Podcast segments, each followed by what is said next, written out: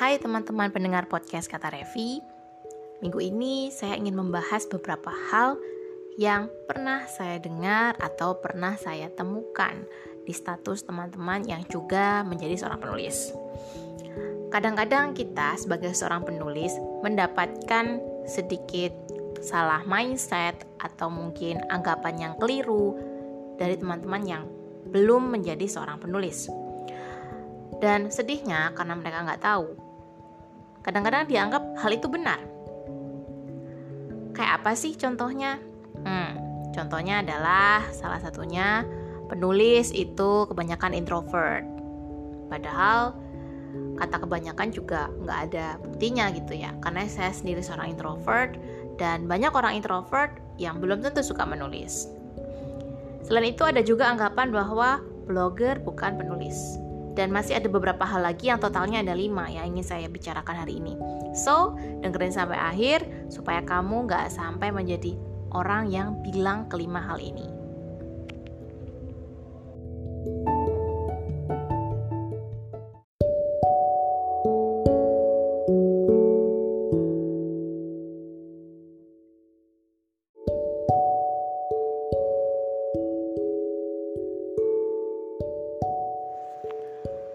Anggapan apa aja sih yang bikin orang itu merasa, duh anggapannya itu salah dan sebenarnya nggak kayak gitu. Yang pertama yang paling sering saya dengerin adalah penulis itu disebut rata-rata introvert. Makanya dianggap juga mereka ya pemalu dan juga tidak bisa berbicara dengan baik di depan umum kayak gitu. Padahal sebenarnya nggak kayak gitu. Atau karena merasa dirinya introvert, seorang penulis jadi merasa aku nggak penting untuk membangun branding. Karena anggapan yang dia cantumkan atau dia berikan pada diri sendiri, penulis jadinya memang merasa karena introvert, jadi aku memang nggak jago buat ngomong, aku nggak jago untuk branding kayak gitu alasannya. Walaupun introvert sekalipun, sebenarnya penulis juga perlu belajar untuk public speaking, tampil di depan. Karena sekarang kita hidup di dunia ya yang serba cepat. Kita juga hidup di mana uh, media sosial menjadi sarana untuk orang lebih dekat dan mengenal kita. Tapi kak ada juga tuh orang yang nggak pernah nunjukin wajahnya tapi karyanya laris-laris aja. Jadi sah-sah aja dong kalau kita nyebutin penulis itu sebenarnya ya harusnya jadi introvert karena nggak lebay Menurut saya nggak juga, karena bagi orang-orang ekstrovert seperti saya, terkadang ketika ada anggapan bahwa ih penulis kok ekstrovert, ih penulis kok nggak introvert, itu jadi uh, seperti di kotak-kotakkan gitu ya. Ini pengalaman saya pribadi. Bahkan ada yang menyebutkan ketika saya bilang kalau saya penulis, mereka tuh wajahnya nggak percaya gitu ya. Bahkan mungkin terkesan beneran nih kamu penulis, emang nulis buku apa kayak gitu kesannya Padahal untuk menjadi seorang penulis kita nggak harus jadi orang yang super uh, tidak bisa bergaul gitu ya. Dan juga hanya diam di rumah atau di dalam kosan aja sambil ngetik atau nulis. Untuk menjadi seseorang baik itu introvert atau extrovert sebenarnya ya siapa pun bisa gitu nggak harus seorang penulis. Makanya saya, saya tidak mau uh, teman-teman melabeli seseorang oh penulis itu introvert harusnya. Ketika ada yang extrovert dan dia orang yang uh, mungkin dia juga mudah bergaul atau dia mungkin social butterfly ya intinya banyak sekali orang-orang yang mengenal dia dan relasinya banyak malah terkesan dipikir ada tulisannya pasti dangkal karena dia tidak introvert. Jangan sampai seperti itu. Jadi anggapan yang sebenarnya kesannya sepele ketika kita berikan atau kita sampaikan tanpa sensitivitas yang pas. Itu rasanya jadi semacam judgmental comment gitu ya menurut saya sendiri. Jadi mau dia penulis itu introvert atau extrovert dia tetap seorang penulis. Dan karyanya juga nggak dilihat dari apakah dia introvert atau extrovert gitu. Bahkan bisa jadi walaupun dia extrovert tapi pemikirannya sangat mendalam dan filosofis. Kita nggak pernah tahu itu ya kan? Terus yang nomor dua ini lucu banget nih Saya pernah uh, baca status seorang blogger yang juga jadi teman saya di medsos. Dia risih gitu ketika dibilangin bahwa blogger itu bukan seorang penulis. Ini lebih lucu lagi nih yang nomor dua nih. Hanya karena kita nulisnya di blog, di website, bukan di buku, bukan di e-book, bukan berarti kita tuh bukan seorang penulis. Mungkin kita nulisnya juga dengan gaya bahasa sehari-hari seperti yang ditulis Raditya Dika For your information, walaupun begitu, untuk bisa menulis selucu Raditya Dika di blognya itu juga butuh skill.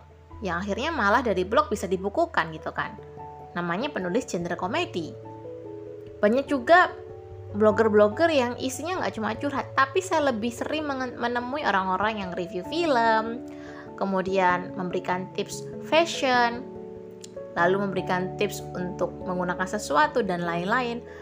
Bahkan saya sendiri juga lebih banyak menulis tentang opini gitu ya dan juga review di dalam blog saya yang workaholic.com itu artinya blogger itu juga membutuhkan riset. Blogger juga membutuhkan kalimat yang terstruktur agar apa yang dia sampaikan mudah dipahami oleh orang lain jadi kalau kalian bilang hanya karena nulisnya di blog dia bukan seorang penulis ya lucu juga. Mau dia penulis buku mau dia ngeblog nulisnya kan tetap diketik ya kan? Cuma beda media aja gitu. Bahkan dari blog kita juga bisa menghasilkan loh para blogger. Kalau misalnya udah jago AdSense duitnya malah lebih banyak dari para penulis buku. It's fact. Itu fakta Walaupun memang nggak semudah itu gitu ya. Bahkan untuk menjadi orang yang ahli SEO dan jago ngeblog Sampai blognya banyak, sampai disebut ternak blog Itu prosesnya juga sangat tidak mudah dan butuh modal tertentu. Makanya teman-teman jangan meremehkan pekerjaan seorang blogger. Kita tetap butuh riset, kita juga tetap butuh uh, belajar menyusun kalimat yang baik dan juga seiring berjalannya waktu kita juga tahu kok apa sih yang perlu diperbaiki dari tulisan kita sendiri. Lalu nomor tiga, anggapan apa sih yang sebaiknya teman-teman, terutama nih penulis pemula yang mungkin lagi galau gitu ya soal masalah ISBN. Mungkin kalian merasa bahwa nulis buku tanpa ISBN itu berarti nggak berkualitas. Hmm, anggapan ini harus teman-teman mulai minimalisir. Alasannya, sekarang Perpusnas sudah membatasi pemberian ISBN pada buku terutama kalau bukunya sistemnya antologi gitu ya atau cetaknya terbatas seperti skripsi atau mungkin diktat itu kemungkinan untuk mendapat ISBN itu sangat sulit. Beda halnya kalau penulis buku solo dan ada kuota eksemplar yang cukup gitu ya untuk diterbitkan. Sebenarnya mau dia pakai ISBN atau nggak pakai ISBN, buku itu bukan jaminan bukunya berkualitas karena banyak sekali novel-novel yang saya baca gitu ya di um, Gramet setelah saya beli dengan embel-embel. Misalnya nih udah dibaca satu juta membaca di platform ABCD gitu katakanlah begitu. Ternyata setelah dibaca ya konfliknya biasa aja gitu kan. Dan bahkan saya pernah membaca novel indie yang temanya uh, fiksi ilmiah malah sangat bagus gitu. Walaupun itu diterbitkan INDI. Sekarang permasalahannya bukannya INDI atau mayor tapi ISBN dan non ISBN. Yang non ISBN sekarang ada alternatif namanya QRCBN gitu ya. Jadi identitas bukunya pakai QR code gitu kayak barcode. Bukan dan juga gini, eh, ISBN ini sebenarnya nggak bikin buku kita tuh langsung laris gitu ya enggak sebenarnya karena saya ketika belajar dari e-book atau e-course dari para coach internasional yang ibaratnya udah gajinya udah uh, jutaan dolar, mereka menjual e-book mereka bukan di Amazon, tapi ya dijual lewat platform website mereka, e-book formatnya, tanpa ISBN pastinya. Mereka tetap bisa disebut sebagai penulis dan karyanya juga tetap berkualitas gitu. Jadi teman-teman jangan sampai terjebak dengan anggapan yang seperti ini gitu ya. Kemudian uh, yang keempat, anggapan apa sih yang sebaiknya teman-teman hindari? Ada anggapan bahwa penulis yang keren itu adalah penulis yang nyastra gitu tulisannya. Saya pernah dapat sindiran, aduh kamu penulis ya tapi nulis puisi doang, nulis romance doang, katanya begitu. Padahal orang yang Julid ini itu sama sekali belum pernah menerbitkan buku apa pun itu, bahkan buku puisi aja nggak pernah. Jangan sampai teman-teman yang mungkin suka baca buku sastra menilai teman-teman yang suka nulis teen lit atau novel anak adalah penulis yang tidak berkualitas. Jangan seperti itu. Kita punya bidangnya sendiri-sendiri. Ada penulis sastra yang ketika ditantang menulis cerita anak, mereka belibet, nggak bisa mencari kalimat-kalimat sederhana yang bisa dipahami oleh anak kecil. Padahal kan istilahnya kalau mereka udah terbiasa bikin karya yang sulit, maka bikin karya yang untuk anak SD harusnya lebih mudah dong ya logikanya. Tapi ternyata nggak seperti itu. Seorang penulis anak juga belum tentu bisa nulis novel novel romance karena mereka udah terbiasa untuk nulis cerita anak. Jadinya kalau kalian merasa bahwa anggapan penulis keren itu yang nyastra yang dapat penghargaan sastra apa gitu sekian atau dikaji atau apa ya dia memang sangat berkualitas di bidangnya untuk tulisan sastra. Tapi belum tentu dia berkualitas ketika diminta untuk menulis novel uh, buku non-fiksi atau tulisan ilmiah. Jadi teman-teman jangan sampai kalian mengkotak-kotakan kualitas hanya karena sastra. Ya sama halnya dengan kalian yang suka baca, jangan sampai merasa ah aku ini lebih keren daripada orang yang suka bacanya rom uh, novel romance gitu. Itu sangat lucu sekali dan Jangan sampai ketemu saya di dunia nyata dan kalian ngomong seperti itu kepada saya. Karena saya adalah pembaca untuk banyak hal mulai dari buku puisi, romance, anak-anak, komik, hingga sastra. Dan bagi saya semua genre tersebut memiliki ciri khas yang menarik dan bisa memberikan pelajaran. Dan yang terakhir, yang kelima, uh, kalau ada anggapan ini agak ada sambungannya sama yang pertama tadi ya soal penulis yang uh, dianggap introvert. Bahwa penulis itu nggak perlu jago berbicara. Jadi seorang penulis dia cukup bisa nulis aja gitu. Tapi saya sudah melihat trennya saat ini penulis juga diminta untuk ngisi webinar atau diminta untuk ikut bedah buku baik luring atau daring lewat Zoom dan Google Meet. Jadi Faktanya, ketika seorang penulis itu nggak bisa mengatur ritme, nggak bisa menguasai uh, gaya bicaranya, dia pasti akan terbata-bata, gak mudah dipahami dan akhirnya jadi uh, ribet gitu ya. Jadi malu sendiri gitu karena dia nggak bisa menyampaikan idenya yang sudah ditulis. Kalau kamu sekarang aku nggak punya waktu untuk belajar, aku merasa malu itu adalah mindset blokmu sendiri karena bukan berarti kalian menjadi orang yang mudah uh, merayu ya. Kita nggak ngomongin itu tapi kita ngomongin soal komunikasi yang efektif. Kita ngomongin bagaimana caranya kita menjadi orang yang bisa mempengaruhi orang lain lewat tulisan dan juga secara verbal. Kalau orang belum melihat karya kita dan belum tahu hingga akhirnya kita promosi misalnya lewat reels, lewat siaran langsung Instagram atau mungkin diundang penerbit untuk bedah buku. Pastinya kemampuan public speaking itu sudah menjadi bagian yang utama yang harus kalian miliki. Nah, kebetulan Workaholic Class menyelenggarakan kelas uh, judulnya lucu sih.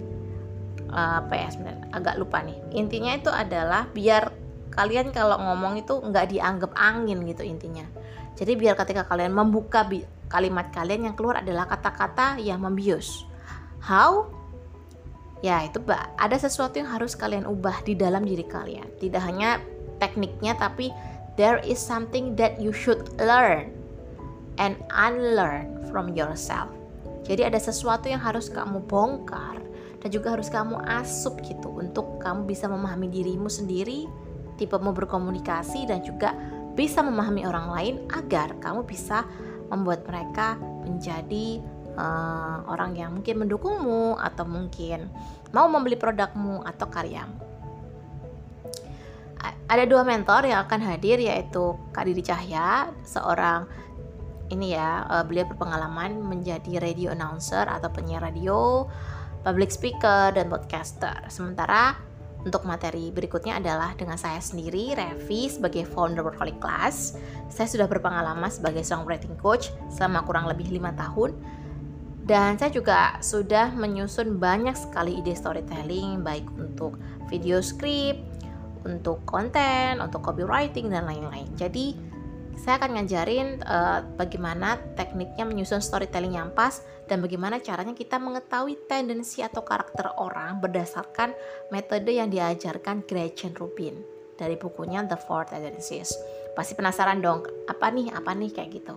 Jadi supaya kamu nggak penasaran, kamu uh, cek aja di Instagramnya Workaholic Class. Nanti akan saya tulis di deskripsi kamu cek di situ ada kelas transformatif storytelling biar omonganmu nggak dianggap angin. Nanti kamu join masih ada harga early bird dengan cuma 125.000 jadi uh, kamu nggak perlu ngerogoh duit banyak. Nanti kalau udah melewati itu pakai harga reguler dengan harga 150.000 bedanya udah jauh ya. Jadi sebaiknya kamu segera beli supaya bisa dapat harga early bird. Dan juga nanti ada prakteknya di grup WhatsApp, jadi nggak cuma sekali Zoom doang. I hope you can learn many things today dan aku harap kalian tidak menjadi orang yang menyebalkan atau penulis yang judgmental. Terima kasih karena sudah mendengarkan podcast Kata Revi minggu ini. Sampai jumpa di episode berikutnya.